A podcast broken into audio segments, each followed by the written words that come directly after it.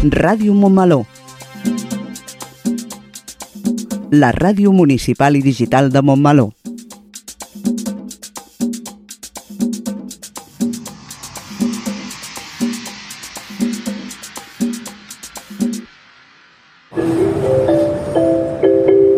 Propera parada, Montmeló.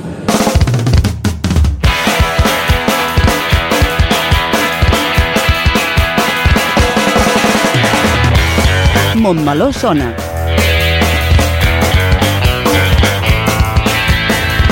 El magazín informatiu de Ràdio Montmeló.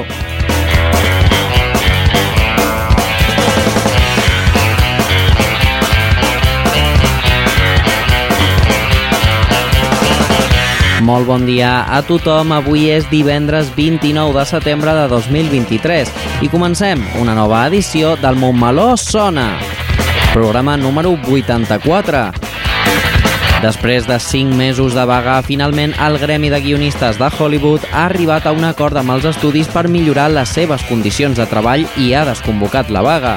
Des del 2 de maig, estudis i projectes han quedat paralitzats per una vaga que exigia el pagament residual als autors de projectes a plataformes de streaming o la protecció dels guionistes davant la intel·ligència artificial, entre altres. Després de mesos de grans estudis negant-se a concedir condicions bàsiques, finalment han cedit i els guionistes han aconseguit els drets que mereixen en aquesta nova era de l'entreteniment, perquè després es digui que les vagues i manifestacions fermes no són la manera de reclamar els drets que pertoquen.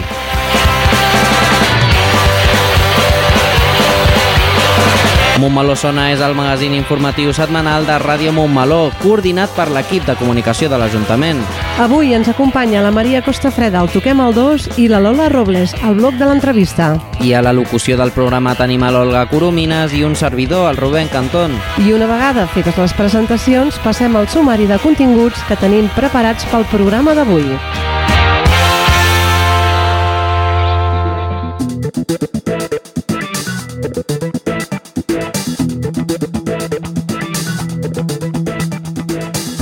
Comencem amb el Toquem el 2, on la Maria Costa Freda ens parla del Festival de Curtmetratges de Pineda de Mar, amb Javier Sánchez, president de l'entitat organitzadora.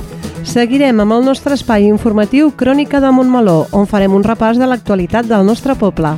Després farem una ullada a l'agenda d'actes que podem trobar els propers dies a Montmeló. Tot seguit, la Lola Robles entrevista a l'escriptora Eva Baltasar, que serà present a la tertúlia que organitza el Club de Lectura de la Biblioteca La Grua sobre la seva obra Boulder. Com ja sabeu, tot això i alguna cosa més és el que trobarem al Montmeló Sona d'avui 29 de setembre de 2023.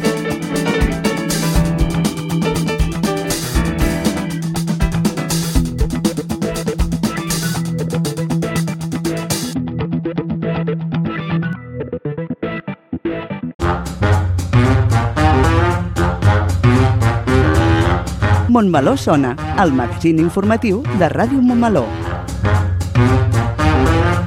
Montmeló sona i sona així de bé.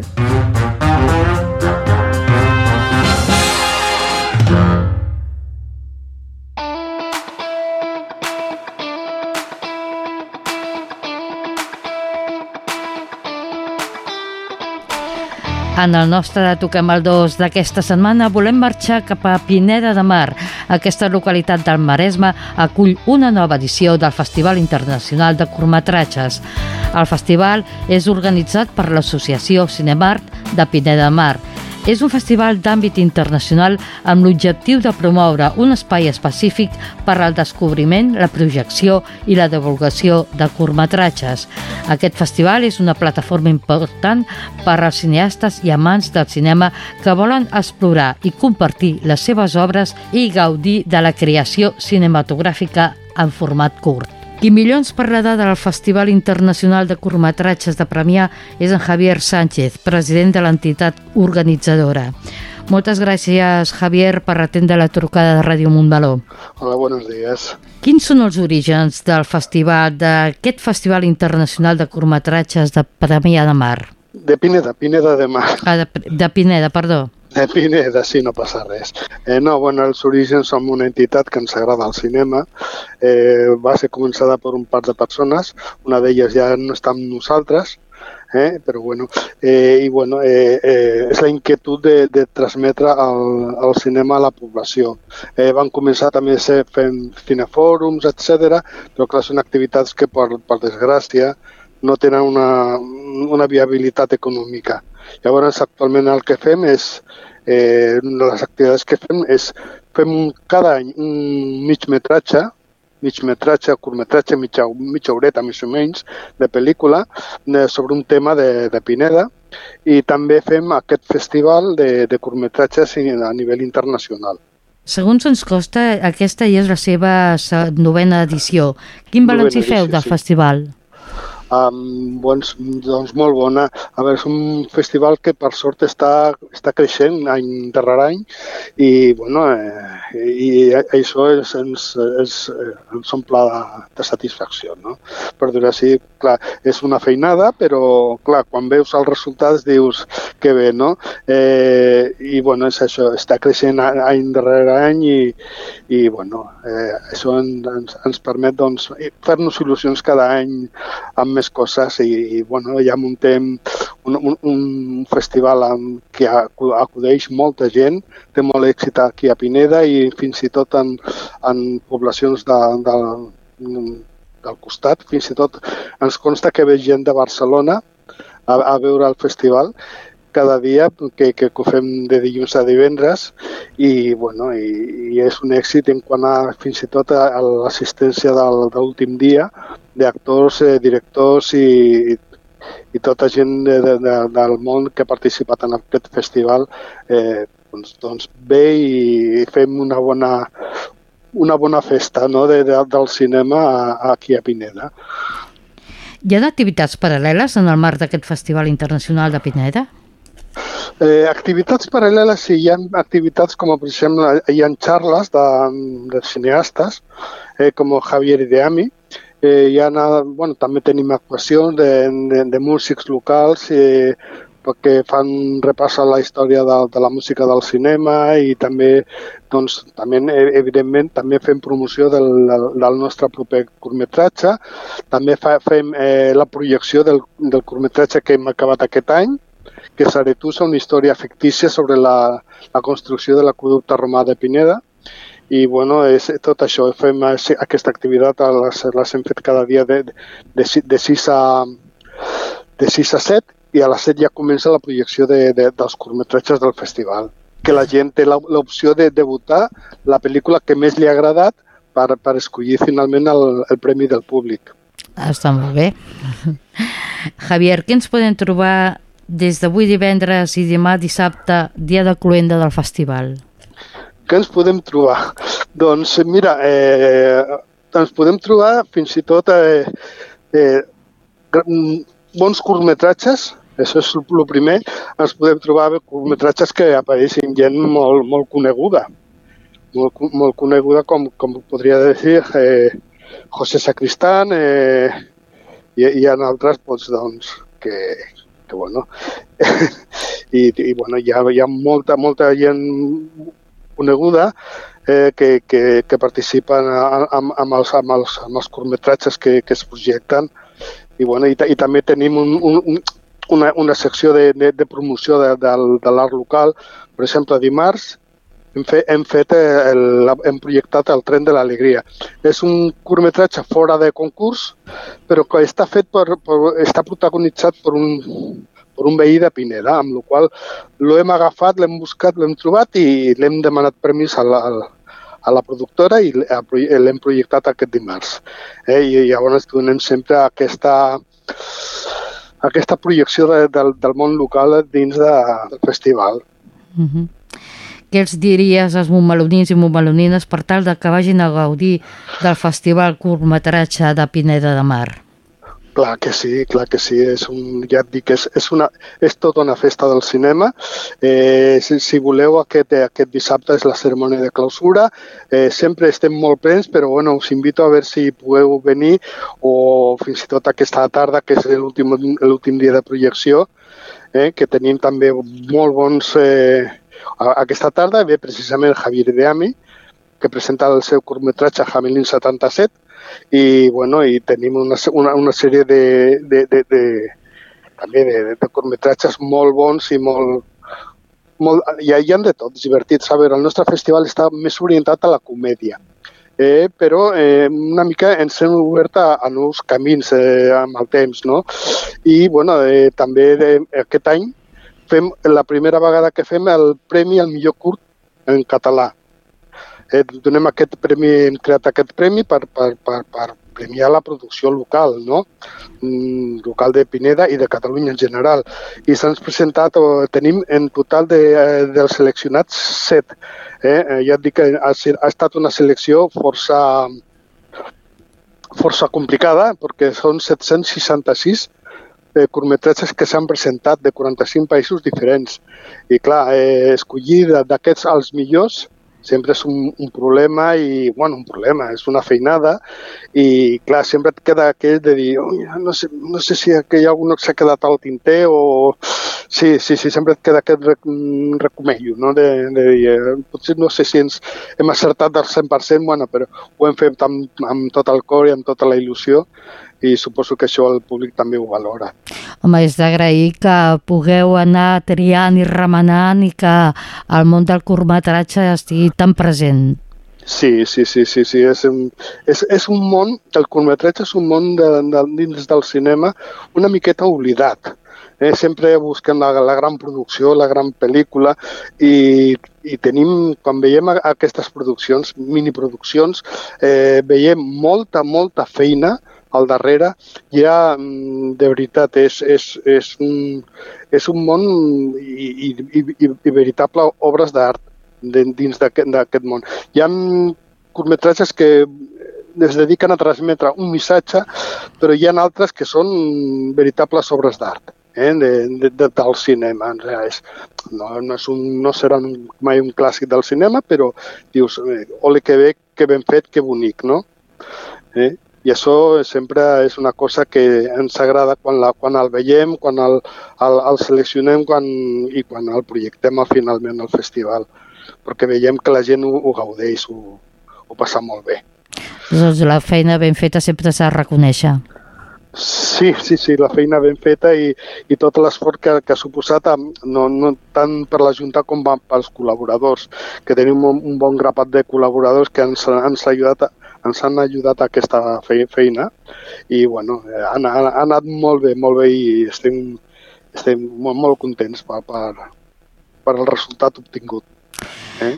Doncs moltíssimes gràcies, Javier Sánchez, president de CIMART, per la teva presència a Ràdio Montmeló. Gràcies a vosaltres i ja sabeu que esteu convidats i com sempre l'any que ve tornem amb sempre la darrera setmana de, de setembre i bueno, i sabeu que esteu convidats i, ve, i veniu a gaudir de, del cinema i del curtmetratge. Us esperem a tots. I serem presents. Moltes gràcies. Moltes gràcies, Javier. El gos devia mordar quan ha sortit i amb cinema toquem el 2 i els del Toquem el 2 tornarem la propera setmana amb més recomanacions d'oci i cultura per als caps de setmana. Bon cap de setmana i a gaudir. Amics fan sonar el claxon des de l'altra banda del carrer. Mm, so d'un motor accelerant sobre el pont de Vallcar que soni un rock and roll que baixin les persianes tots els comerciants que hi hagi una conversa tonta sota una lluna barri dorm tranquil aliè que hagi arribat el dia gran la cara de la Teresa s'il·lumina quan un cotxe ve de cara. Ve de cara.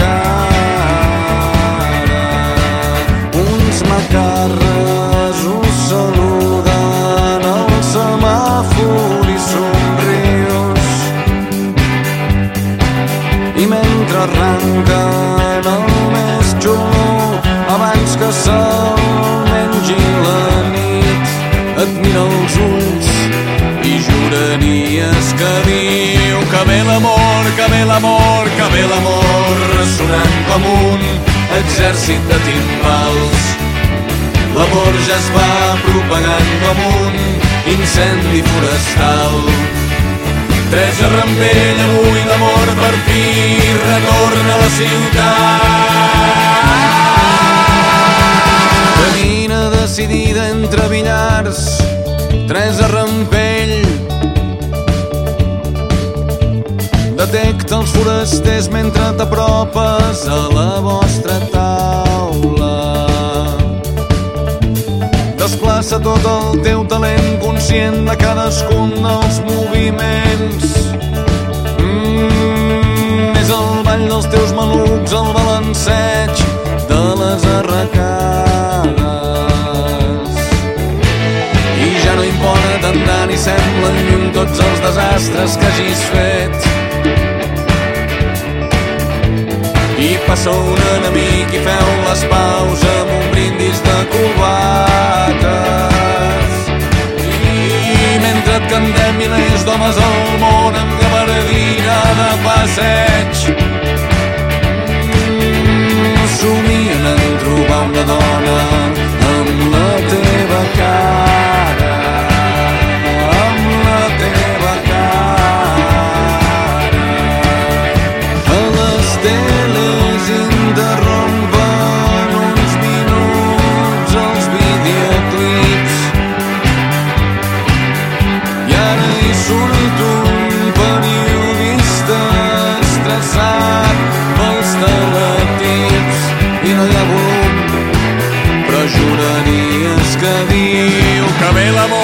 ve l'amor, que ve l'amor ressonant com un incendi de timbals L'amor ja es va propagant com un virus tropical. Teresa Rampell, avui l'amor per fi retorna a la ciutat. L'amor retorna, Teresa, i ja diries que el comences a notar. És a les mans de la gent, és els joves quan ballen i reconeixes una força antiga i sense discussió t'hi entregaràs i furgaràs els seus racons per revelar el poder que s'hi amaga.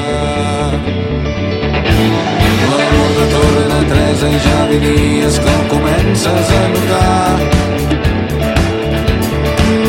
I ets un nàufrag que ha decidit tastar l'aigua salada. I ets un nàufrag que ha decidit tastar l'aigua salada. I ets un nàufrag que ha decidit tastar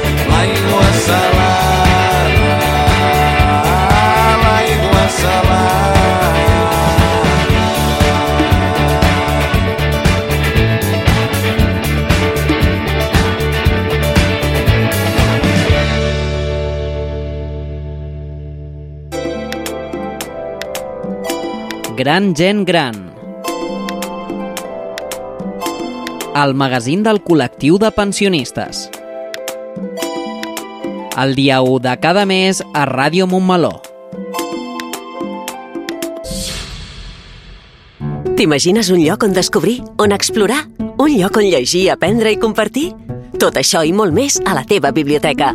La Diputació de Barcelona i els ajuntaments posem al teu servei 228 biblioteques i 10 bibliobusos per apropar-te a la cultura i el coneixement. bibliotecavirtual.diva.cat Diputació de Barcelona.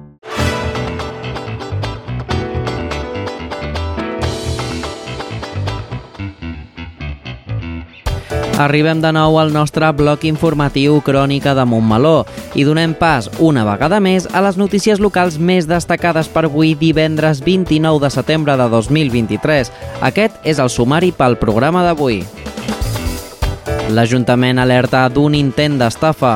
Convocatòria oberta per a les subvencions i projectes de cooperació i solidaritat. L'Escola de Música inicia un nou curs escolar mantenint les col·laboracions amb els centres educatius i entitats del poble. Constituït el nou Consell de Poble per aquesta legislatura 2023-2027. L'alcalde Pere Rodríguez ha estat escollit nou president del Consorci per a la gestió de residus del Vallès Oriental.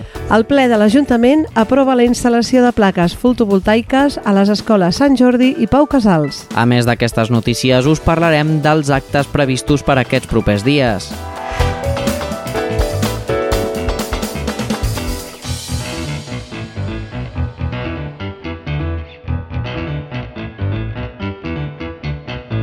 Des de l'Ajuntament ens alerten que s'ha detectat un intent d'estafa per part de persones que es fan passar per personal del consistori. Cal tenir en compte que el personal municipal en cap cas demana cap dada bancària ni fer transferències de diners per telèfon o WhatsApp.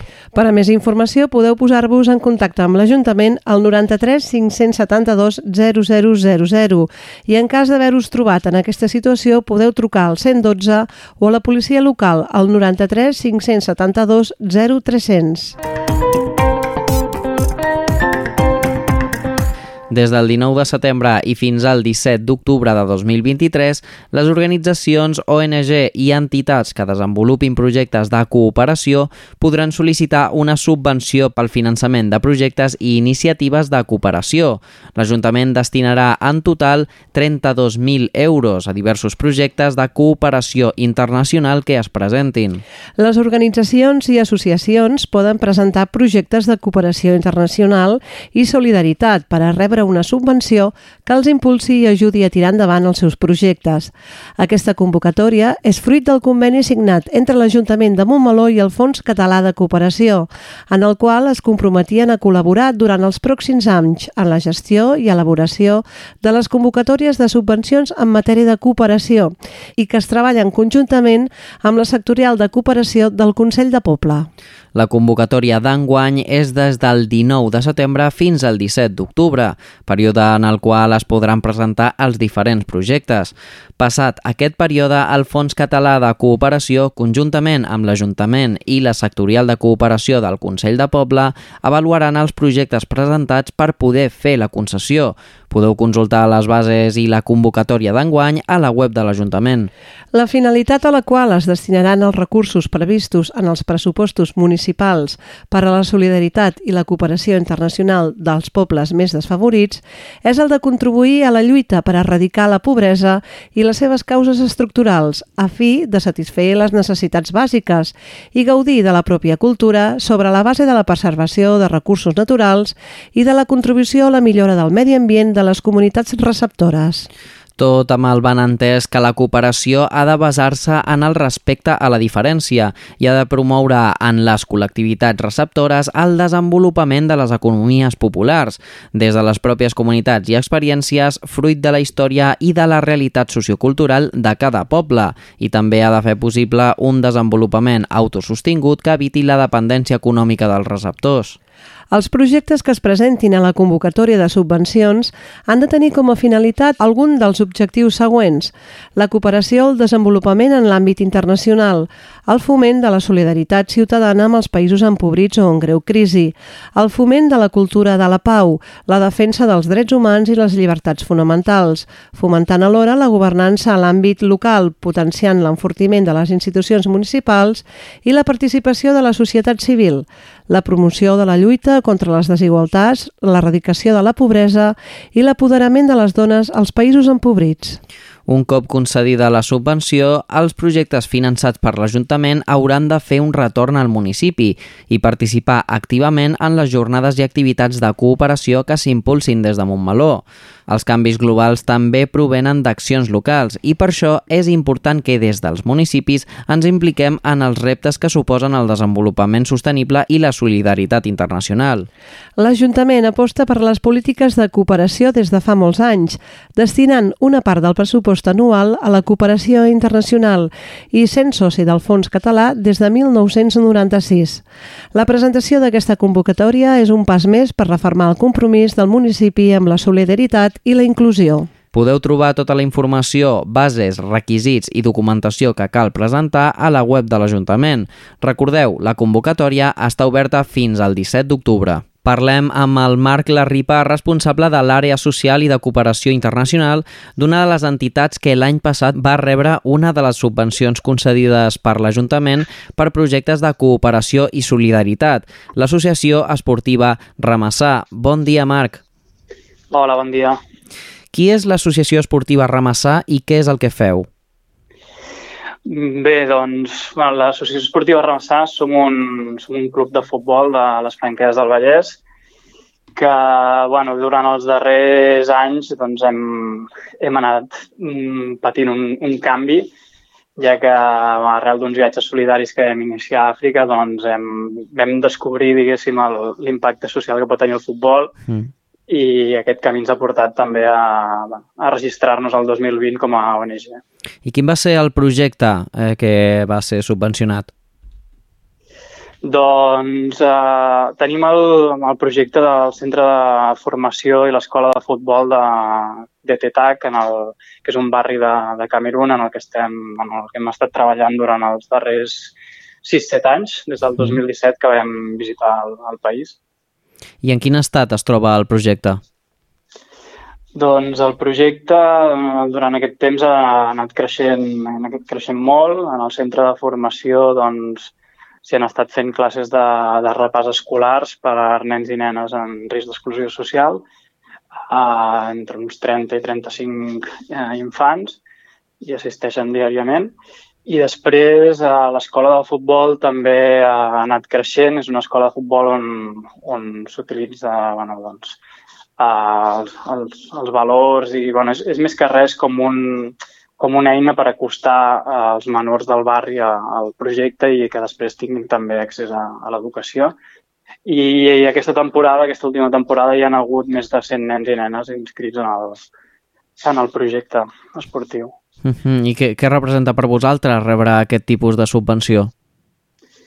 Doncs rebre aquest tipus de subvencions doncs, eh, ens és una gran ajuda realment perquè també veus la confiança que poden tenir les institucions públiques i els ajuntaments com el, com el de Montmeló en un projecte com el, com el nostre, on s'utilitza l'esport com a eina de transformació social i bueno, a nivell més pràctic, doncs, aquests, uh, aquests fons els hem pogut invertir per millorar les instal·lacions esportives de, de TETAC eh, i hem pogut construir una, una petita tribuna i dos vestuaris perquè bueno, tant el, bueno, tots els equips que, que entrenen i juguen partits allà doncs, eh, puguin fer-ho en les millors condicions possibles.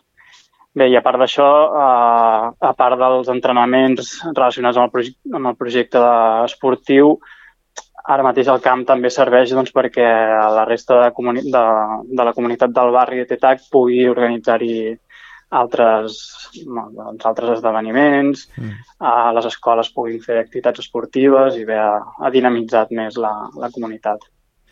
Si alguna persona que ens està escoltant volgués formar part de la vostra entitat, és possible? Com ho hauria de fer? Bé, el, el més fàcil, diguéssim, seria que es, que, bueno, es, pot, es pot, podria fer sòcia del, de la nostra entitat. Uh -huh. a, a la pàgina web poden veure com a tot el procés, són més una quota de 25 euros l'any.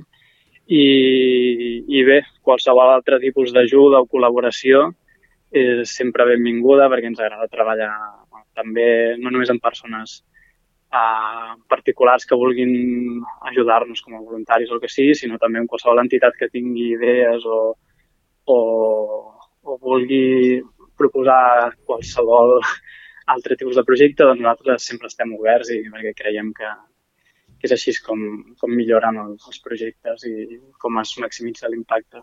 Uh mhm. -huh. Doncs moltes gràcies. Hi ha res que vulguis afegir?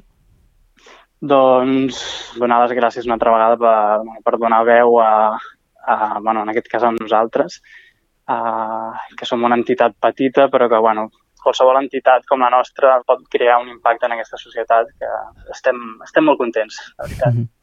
Doncs moltíssimes gràcies pel teu temps, Marc, i pel vostre treball en la inclusió social dels més vulnerables. Molt bé, moltes gràcies.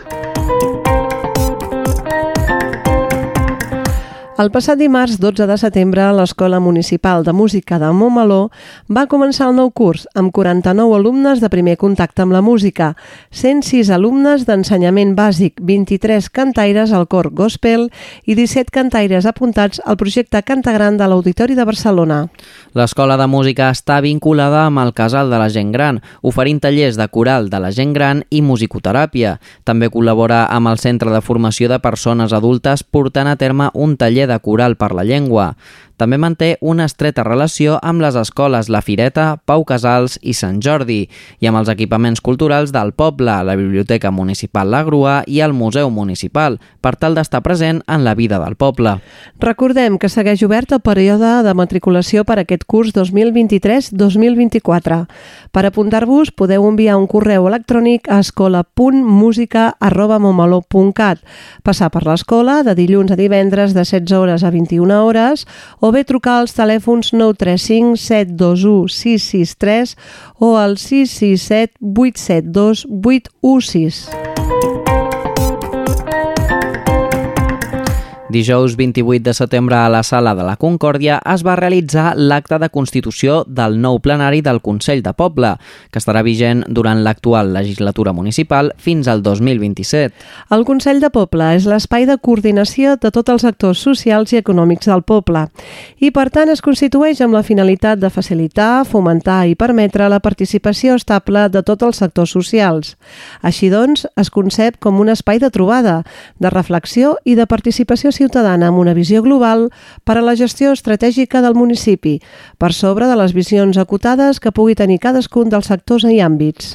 L'acte de constitució del nou Consell de Poble va servir per explicar el funcionament del màxim òrgan consultiu de l'Ajuntament i per conèixer la composició del plenari del Consell de Poble de Montmeló, que estarà integrat pel president, els vicepresidents i els vocals, a banda d'un regidor portaveu de cada grup municipal, un representant associatiu escollit per cada una de les comissions de treball sectorials, d'esport i de cooperació, una persona representant de la Unió de Botiguers i Comerciants de Montmeló, vuit persones d'especial rellevància ciutadana que aquest any han estat designades pels diferents partits polítics que formen part del consistori i vuit persones de la Borsa de Participació Ciutadana. Enguany s'ha proposat incloure persones que formen part del centre ocupacional El Trencadís dins del Consell del Poble, perquè puguin donar la seva opinió en relació als temes que es tractin. El Consell de Poble serà el principal òrgan de participació en el municipi i tindrà com a objectiu generar activitat en processos participatius ciutadans concrets. El Consell crearà, impulsarà i coordinarà aquests processos. A la primera reunió de la Comissió Permanent es concretarà quina serà l'agenda participativa de Montmeló. Un dels primers temes que haurà d'abordar el Consell de Poble són els pressupostos participatius 2024. Les sessions del Consell del Poble són públiques i tothom pot participar amb veu, però sense vot. La setmana passada es va constituir el Consorci per la Gestió de Residus del Vallès Oriental de la vuitena legislatura. L'alcalde de Montmeló, Pere Rodríguez, va ser escollit president amb majoria absoluta i amb el suport de tots els grups polítics per a la legislatura 2023-2027. Pere Rodríguez, que substitueix en el càrrec Albert Camps, va destacar el compromís personal i de l'ENS per estar al costat de tots els municipis i treballar conjuntament perquè l'oferta pública en matèria de gestió i tractament de residus residus sigui la més eficient i la més avantatjosa pels consorciats. Pel que fa als reptes d'incrementar els percentatges de recollida selectiva, el president va afirmar que tenim davant noves normatives que ens obligaran a adoptar mesures importants des del punt de vista econòmic, polític i de gestió.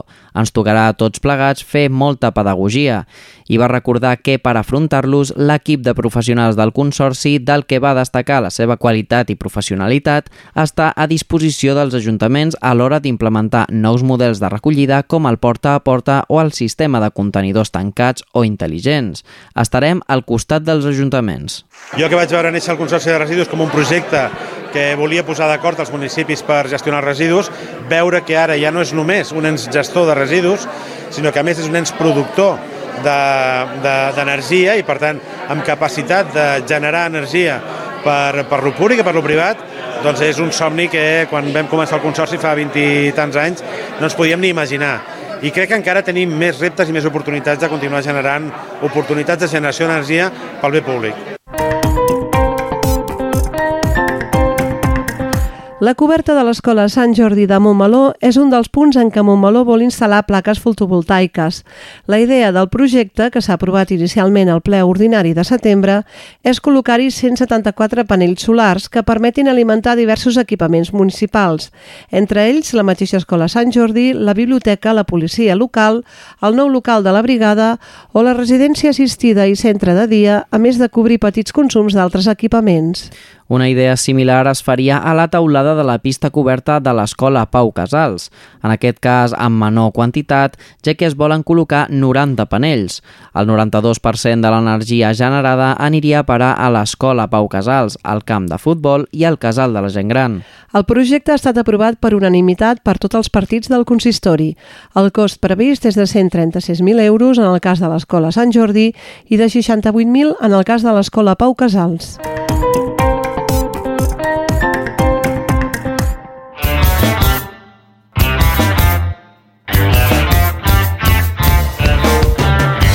Iniciem el bloc de l'agenda d'activitats culturals previstes des d'avui divendres i fins diumenge 7 d'octubre.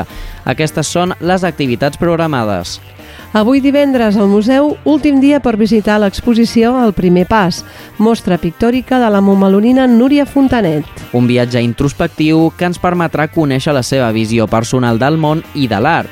L'horari d'avui és de 17 a 20 hores.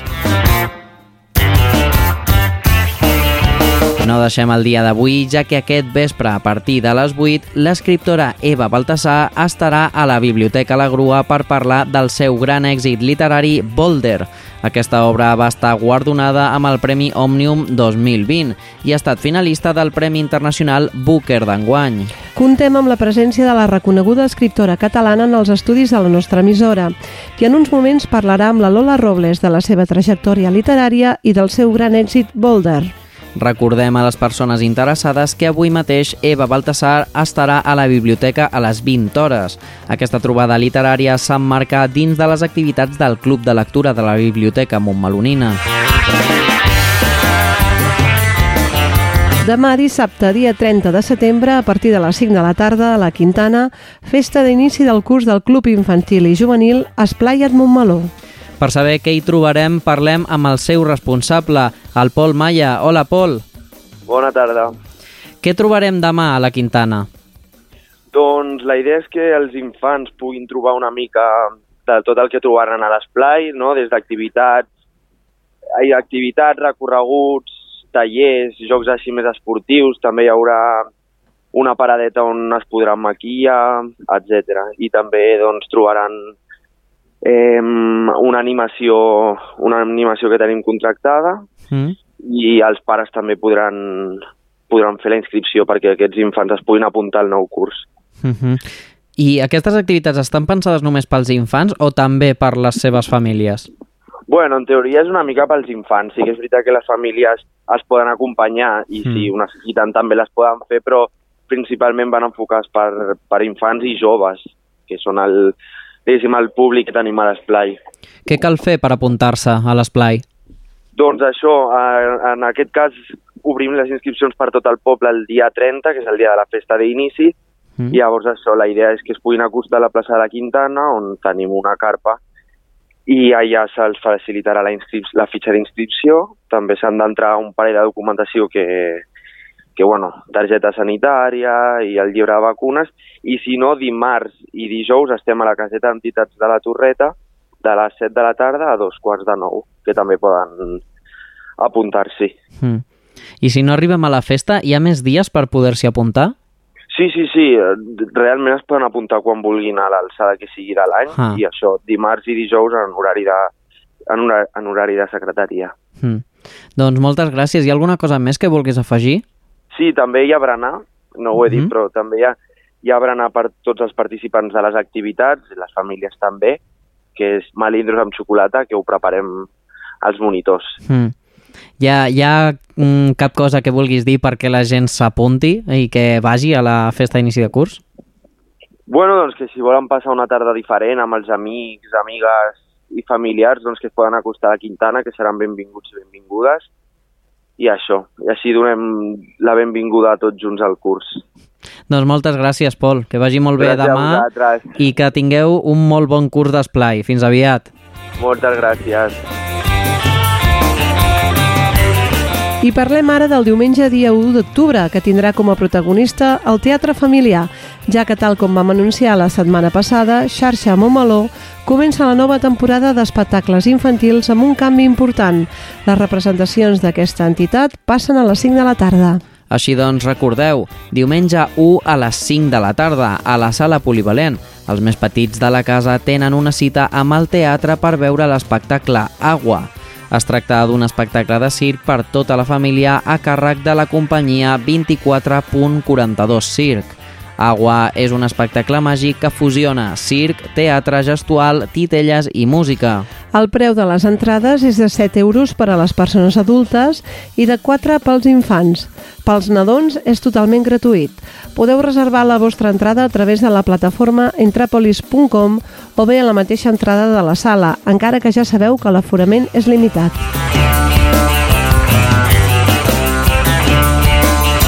Ens endinsem ja a les activitats que tindran lloc la setmana vinent, primera setmana d'octubre, i parlem de nou de l'escriptor Josep Vallverdú, que enguany compleix 100 anys del seu naixement.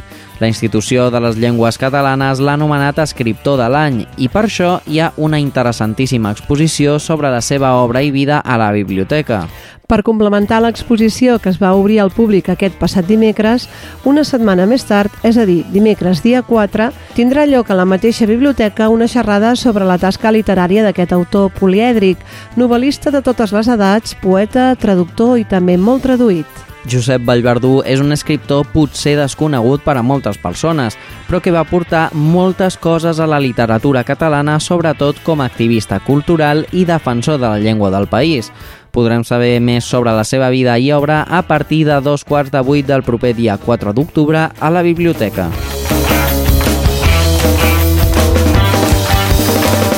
I passem al dijous, dia 5.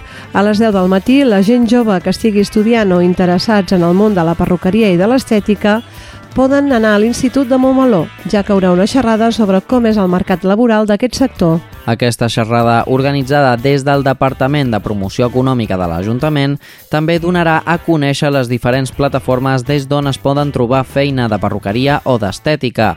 Mostraran com funcionen diferents plataformes i canals generals, així com el Servei Local d'Ocupació i la xarxa Salot.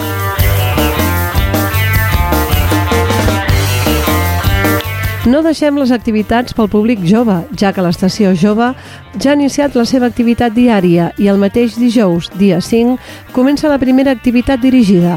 Es tracta d'un torneig de jocs a taula. Uno, Speed, Virus i moltes més propostes us esperen a partir de les 6 de la tarda al Centre Juvenil de Montmeló. No cal inscripció prèvia. L'estació estarà plena de taulers, fitxes i daus, esperant rivals per poder jugar i compartir una bona tarda a través dels jocs de taula, tant interactius com els videojocs, però amb tot l'encant dels jocs tradicionals. I arribem al proper cap de setmana que serà tranquil, ja que tan sols hi ha programada una activitat pel dissabte dia 7 d'octubre. Es tracta d'una nova edició del Mercat de Segona Mà i Col·leccionisme de Montmeló. Aquesta activitat es va iniciar just abans de la pandèmia i la seva bona acceptació ha fet que finalment s'instauri com una activitat periòdica. Es tracta d'un mercat de compra, venda i intercanvi entre particulars, que s'instal·la de 10 del matí a 1 del migdia a la plaça de l'Ajuntament. Tothom pot muntar la seva paradeta. Només ha de posar-se en contacte al correu promoec.montmeló.cat i dir quantes taules necessita. Ja sabeu, si esteu interessats en reciclar, reutilitzar i renovar, el Mercat de Segona Mà és el vostre lloc. El dissabte 7 tindràs paradetes que ben segur que et sorprendran. I no volem tancar l'agenda d'aquesta setmana sense recordar-vos que podeu fer diferents activitats que comencen aquest mes d'octubre. Per una banda, et pots inscriure als tallers de Tai Chi, que començarà aquest dimarts a la Torreta. Es tracta d'un curs trimestral que tindrà lloc tots els dimarts a dos quarts de sis de la tarda. Cada sessió setmanal és d'una hora de durada i el curs té un preu de 18 euros. Es desenvoluparà durant els mesos d'octubre, novembre i desembre. Si esteu interessats podeu fer la vostra inscripció de manera presencial a la Torreta o bé a través del mail latorreta.montmeló.cat o trucant al telèfon 93 572 1033. I ara sí, per acabar les propostes d'avui, aquest dimarts, dia 3 d'octubre, s'inicia una nova temporada del grup de conversa en català que l'Oficina de Català de Montmeló, juntament amb Òmnium Cultural, porten a terme cada any. Es tracta d'un grup per parlar català de manera distesa i fàcil. Aquests grups ajuden molt a perdre la por de parlar català en públic i també són una bona oportunitat per conèixer gent nova. Xalem Xerran és el nom d'aquesta activitat en què es reuniran cada dimarts d'11 a 12 del migdia al Centre Cultural La Torreta per parlar una estona en català. Apunta't a través de l'oficina de català o bé truca al telèfon 634 254 450. Doncs això és tota la informació municipal que tenim pel dia d'avui. Tot això i algunes coses més les podreu veure, sentir i llegir a les xarxes municipals, al web momolo.cat o a l'agenda mensual.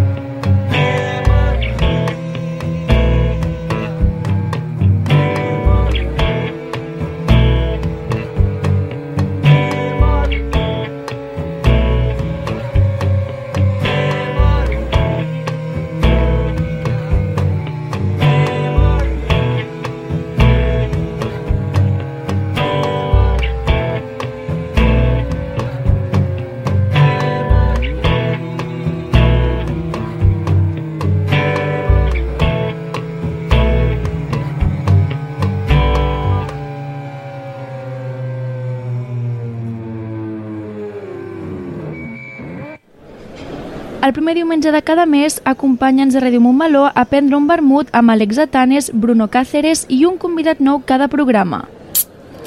Un vermut con, el primer diumenge de cada mes a Ràdio Montmeló.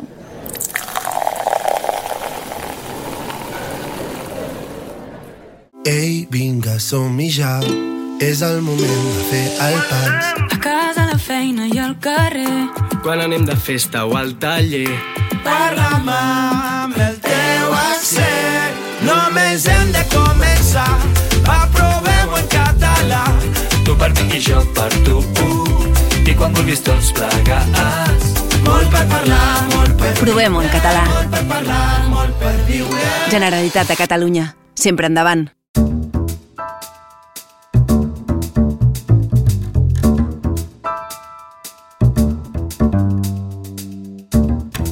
Amb motiu de la visita aquest vespre de l'escriptora Eva Baltasar al Club de Lectura de la Biblioteca, conversem amb ella a l'espai de l'entrevista del Montmeló Sona de Ràdio Montmeló sobre les seves novel·les i el seu ofici com a escriptora.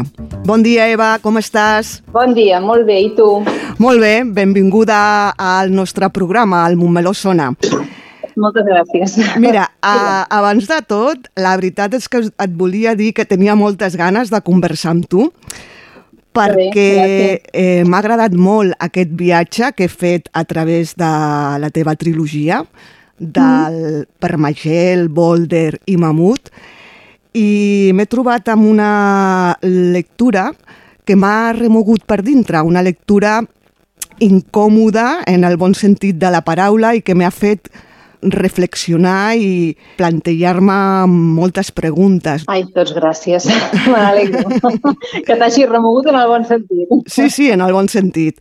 Eva, tu ets molt de clubs de lectura, de presentacions, de xerrades, d'intercanviar impressions amb els lectors? Mira, de presentacions no gaire, però de clubs de lectura sí. Sí que en vaig, en vaig fent, sobretot per Catalunya, a més, m'agrada poder arribar una mica a tot arreu, vaig per tot arreu, i, i sí, és el que més, és el que més m'agrada, de fet, d'aquesta feina que no és pròpiament escriure, sinó acompanyar una mica els llibres. Mm. I en aquest intercanvi amb els lectors, que deu ser molt enriquidor, eh, et deus trobar amb diferents lectures, diferents mirades dels teus llibres, eh, que acabes redescobrint una nova lectura de les teves novel·les. Sí, moltes vegades passa això. Jo bueno, sol dir-ho, no? perquè és, és així, és molt bonic i és la màgia de la literatura, que el llibre és el mateix per tots, tots tenim un volum exactament igual al d'aquí al costat, però la lectura és completament diferent. Hi ha com una segona capa, una segona bombolla de, de llibre que jo la tinc amb mi quan escric i que potser no l'aboco i que aquesta segona capa cada lector doncs, doncs la omple amb els seus propis desitjos, amb les projeccions, amb el que vol que passi i clar, és, sempre és diferent, però fins al punt de que a vegades les interpretacions sobre un mateix fet són completament contràries, no? O, o, són, o van més enllà, són reflexions que van una mica més enllà i que jo potser eren reflexions que conscientment no les tenia. I llavors, per mi, és una manera de, de veure amb uns altres ulls també doncs, el, el meu llibre, no? I això és molt bonic. Permagel és la primera novel·la d'una trilogia a la qual segueix Boulder i acaba amb Mamut. Eh, en un inici, tu tenies clar que volies fer una trilogia o això es va anar gestant pel camí? Mira, no, en un inici no tenia clar ni que Permagel seria una novel·la. És a dir, jo, vaig, jo venia de, de, de molts anys d'escriure i publicar poesia sense intenció de, de publicar narrativa però un dia em vaig trobar asseguda a la consulta d'una psicòloga que em va dir mira, t'aniria molt bé fer un petit exercici que és escriure en quatre pàgines una mica la teva biografia. Jo vaig començar a escriure i em vaig adonar que no m'interessava escriure la meva biografia, però que a partir d'algun fet de la meva biografia començava a ficcionar i descobria una veu d'una dona que em duia cap a altres llocs i que m'interessava molt. Aquesta primera veu eh, va ser la de Parmesel. Llavors vaig estar tot un any i escaig escrivint la novel·la, coneixent aquesta dona a través de la literatura i quan vaig acabar va ser quan vaig tenir aquella sensació de dir, ostres, jo voldria seguir en aquí.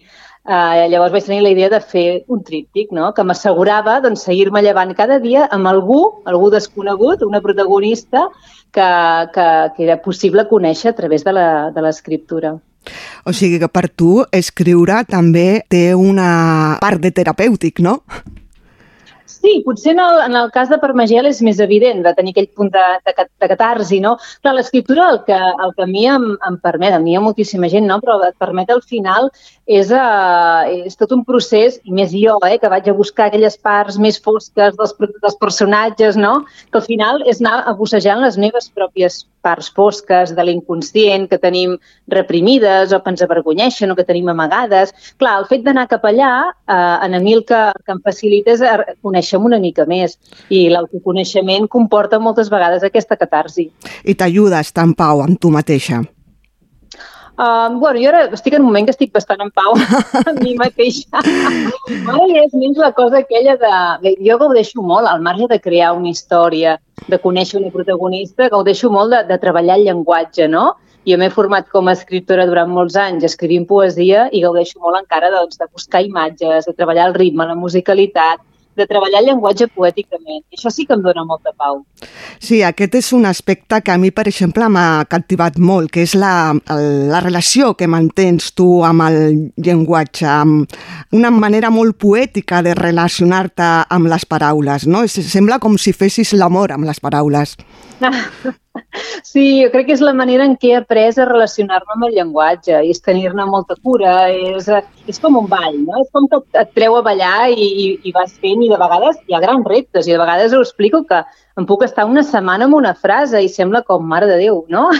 doncs sí, m'agrada deixar-ho tot el més polit possible i, i gaudeixo moltíssim i és la meva manera, sense fer prosa poètica, que no és el que faig, no és narrativa, però sí que hi ha aquest treball poètic que fa que jo, per exemple, escrivint narrativa, no senti que he abandonat la poesia, perquè per mi el treball amb el llenguatge segueix sent poètic. Eh, les protagonistes d'aquesta trilogia són tres dones fortes, complexes, tres dones diferents, però que tenen en comú gaudir intensament de la solitud que en aquest espai es troben amb si mateixes, en pau, unes dones que transiten una mica al límit, que no acaben de trobar-se còmodes en societat, que els hi costa no, una mica trobar el seu lloc. Sí, exacte, jo crec que les has descrit molt bé, no? Són aquestes dones que això senten, viuen amb incomoditat el fet de viure en societat en els nostres temps, eh, van per aquests marges i jo vull pensar que tenen una mirada lúcida sobre allò que, sobre allò que els envolta. Llavors, elles, on se senten més en pau, és quan estan soles. També és cert que un dels nusos o un dels, un dels fils que recorre una mica tot el tríptic també és el tema de la incomunicació.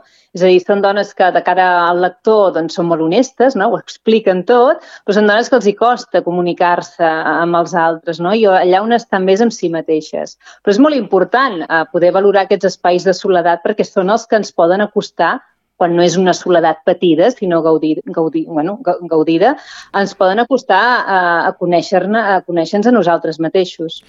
A part d'aquesta solitud buscada, està molt present el tema del cos, la construcció social de la maternitat, la superficialitat de les aparences i les etiquetes, la connexió amb un mateix, la recerca de l'autenticitat... Sí, hi ha molts temes i no, tampoc no és que sigui volgut, eh? és a dir, jo abans de començar a escriure no és allò que pensi, mira, m'agradaria tractar aquest tema, aquest altre i el de més enllà. No. És a dir, jo crec que tots els temes que apareixen i que tu has anomenat no, perfectament, doncs sí que estan en el tríptic, però si vas una mica més enrere en la poesia que jo escrivia, també hi són, no? I també la por i com relacionar-se amb la realitat a partir del, del propi cos, l'estranyesa, de vegades, eh, la maternitat, i estaven en allà, jo crec que són temes que tots i totes tenim, no? que ens van acompanyant tota la vida, interessos, que alguns doncs, ens acompanyaran sempre, d'altres doncs, s'extingeixen, doncs, d'altres evolucionen, però a mi aquests temes doncs, no puc evitar o no he pogut evitar, almenys fins a dia d'avui, que vagin apareixent a, a les novel·les, no? Són aquells temes que, que m'acompanyen. Jo la maternitat, per exemple, jo vaig ser mare per primera vegada en 24 anys perquè estava obsessionada no? amb la maternitat, per tant, doncs, és, és un tema. Que ara sí que la darrera novel·la he deixat de banda, he intentat apartar-lo. Encara que no són novel·les autobiogràfiques, hi ha molt de tu, no?, en les novel·les. Sí, per una banda, jo a l'hora d'escriure parteixo de paisatges de la meva pròpia vida. Això, per exemple, és molt evident en, en, en Boulder, que és una novel·la que la primera escena és una novel·la viscuda per mi quan jo tenia 20 anys i viatjava per Xile, de dalt a baix i una nit de temporal eh, em vaig trobar comprant aquest tiquet per, per pujar en un vaixell mercant que ens havia del continent. però a partir d'aquí ja la història que es desplega és una altra i mostra una protagonista que no sóc jo. Però sí que, sí que és veritat que jo les meves protagonistes les he fet servir de miralls de mi mateixa i de portaveus d'alguna manera també, no? És a dir, jo aprofito la seva boca per mostrar també incomoditats que jo mateixa pateixo pel fet de viure en la societat que vivim, no? Llavors, en aquest sentit, també és molt catàrtic, eh? aprofitar la seva boca i declamar-ho i dir, mira, aquí ho deixo i potser me n'allibero una mica. Per tant, sí que hi ha de mi en elles. I o sigui, quan parlaves de la construcció dels espais, els paisatges, l'atmosfera, on es desenvolupen aquestes històries, eh, estan també com una mica al límit, no? Són espais aïllats on les protagonistes es troben bé i poden conversar amb el paisatge.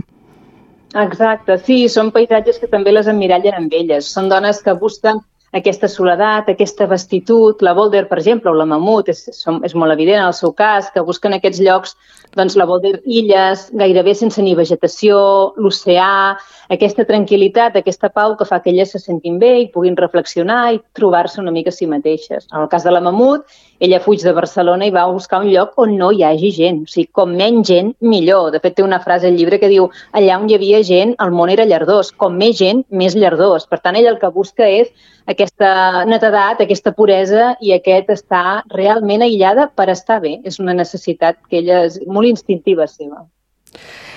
Ets de les persones que se senten millor en el món dels sons, en el món oníric, més que en el món real? Home, jo tinc, jo per gran fortuna tinc una vida nocturna onírica molt viva i molt bona. No tinc gairebé malsons, no? Soc tenir molts somnis, els recordo molt bé i, i els gaudeixo molt. Somio molt, doncs, que viatjo, somio molt. Jo tinc alguna intolerància alimentària d'aquestes que no pots menjar coses molt bones, no? I, i en canvi en somnis menjo de tot, estic en grans banquets. Per tant, jo m'hi sento molt còmoda en el món dels somnis, sí.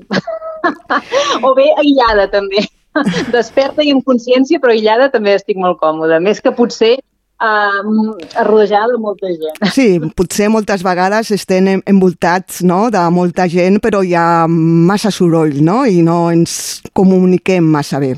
Sí, és, eh, és, és això i també també estem patint una epidèmia avui en dia de, de gent que estan vivint en ciutats, en blocs de pisos, siguin rodejada de gent, però que pateixen la soledat. O sigui, mai com fins ara ens havíem arribat a sentir tan sols patint-ho perquè la soledat la pots gaudir, no? Pots aprofitar-la i crec que són espais molt bons d'aprofitar per això, per tu et coneixes i un cop et coneixes bé, quan estàs amb els altres pots compartir millor, no? Et pots donar millor. Però, però no, estem en un moment en què hi ha molta gent que, que viu i mor sola, sentint-se sola, i això és molt greu. I les petites men mentides ens ajuden a anar caminant pel món? Són una forma de supervivència?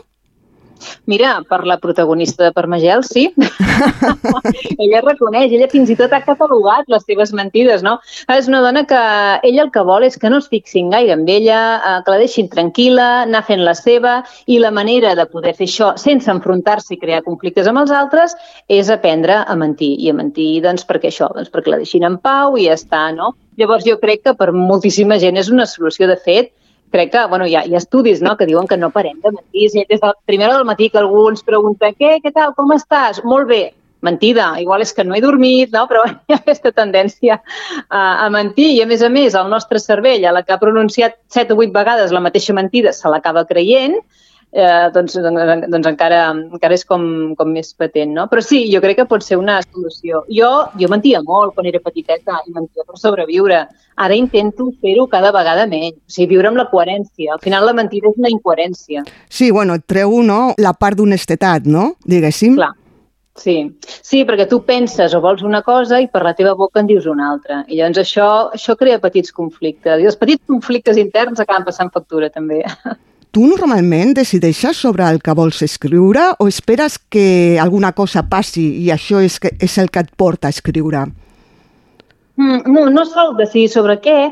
Jo el que tinc és com la, la, la, necessitat una mica o la voluntat de, de seguir coneixent personatges, llavors m'hi poso, començo a escriure sobre, sobre qualsevol cosa i el que espero és trobar la veu, trobar aquella veu que, que, que em sedueixi, que digui, mira, aquesta veu m'interessa, a veure on em porta i a veure quina novel·la en surt, no? Que de vegades uh, no em porta enlloc. Llavors començo a escriure i veig que allò no va enlloc i, i ja està, no? Però és trobar, jo sóc una cercadora de veus.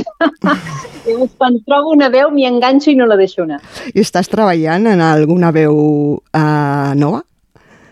Mira, ara estic, ara tinc una mica d'esquizofrènia perquè al mes de novembre sortirà el tríptic amb un sol volum, per tant l'estem com revisant i és com tornar-me a llegir les tres novel·les una darrere l'altra, no? I llavors tornar a reviure una mica les vides d'aquestes dones. Alhora també estic acabant de, de, estem acabant d'editar amb la Maria Buigues, amb l'editora, la meva propera novel·la, que sortirà l'any vinent, i també he començat una altra. O sigui que estic en aquesta mena d'esquizofrènia de, estranya que miraria d'anar acabant coses d'una en una, no? i així poder, poder seguir amb una mica més de pau o calma. Doncs moltes gràcies, Eva. Ha estat un veritable plaer parlar amb tu. Em quedaria molt més temps i vull aprofitar per tancar aquesta conversa llegint un paràgraf curtet d'una de les teves novel·les. Gràcies. M'encanta aquest lloc, aquesta llibertat, els ulls estrets i negres que ni en volen ni en rebutgen. El rum mata el viatge. Moltes gràcies. Quina selecció.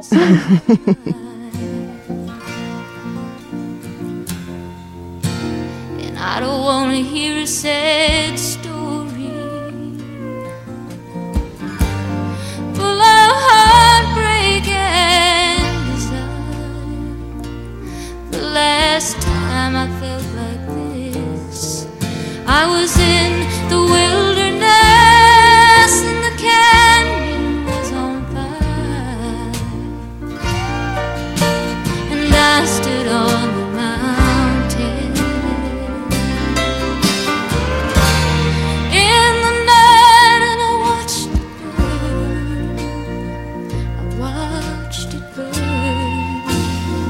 I watched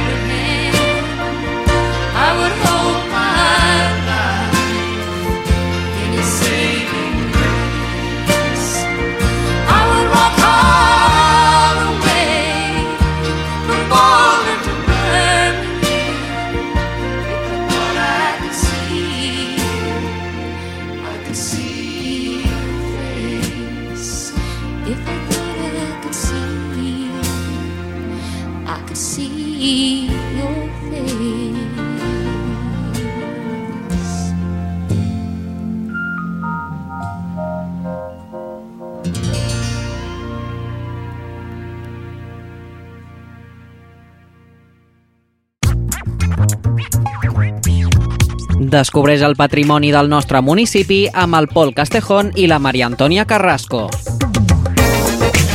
Patrimon. El primer dilluns de cada mes a les 12 del migdia.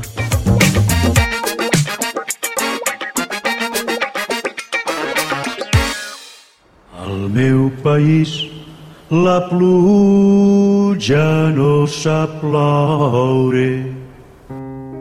Canvi climàtic asseca els rius. Posa en risc l'abastament d'aigua i la producció d'aliments. Treballem per fer front a la sequera i garantir l'aigua, però cal l'esforç de tothom. Cada gota compte. La pluja no la controles, l'aixeta sí. Generalitat de Catalunya.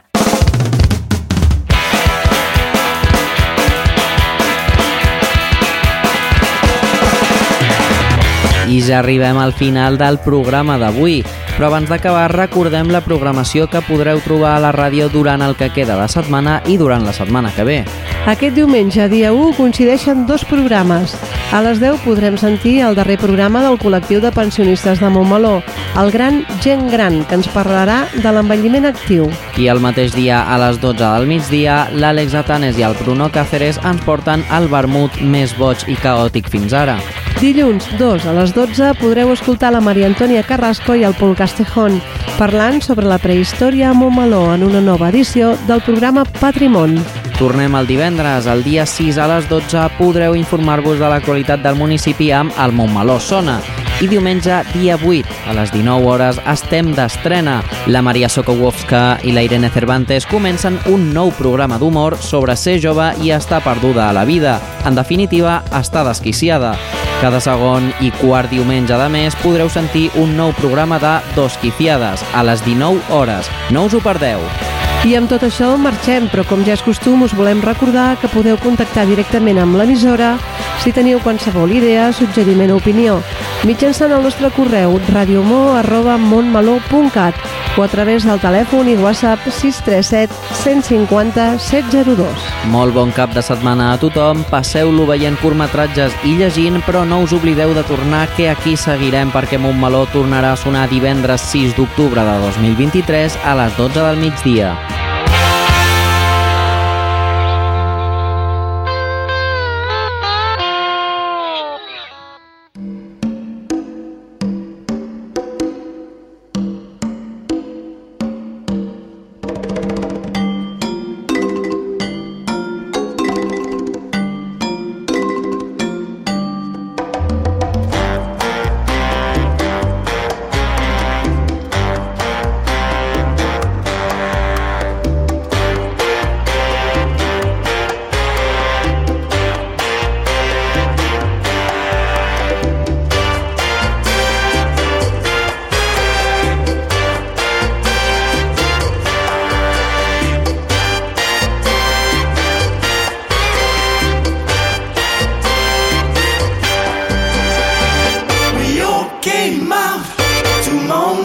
The Lake Geneva shoreline, make records with the mobile. We didn't have much time. Frank Zappa and the mothers were at the best place around. But some stupid with a flag on burned the place to the ground.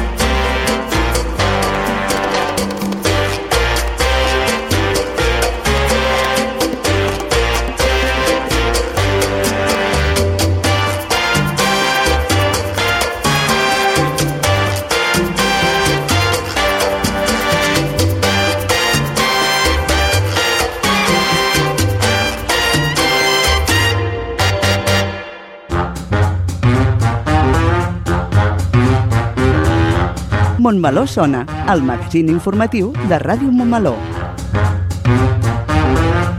Montmeló sona i sona així de bé.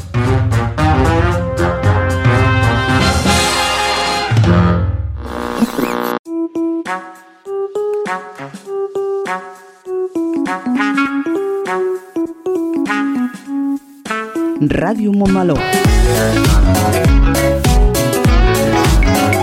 Sintonitza'ns al web radiomontmeló.cat i a través de les xarxes d'Instagram, Facebook i Twitter. Ràdio Montmeló, la ràdio municipal i digital de Montmeló.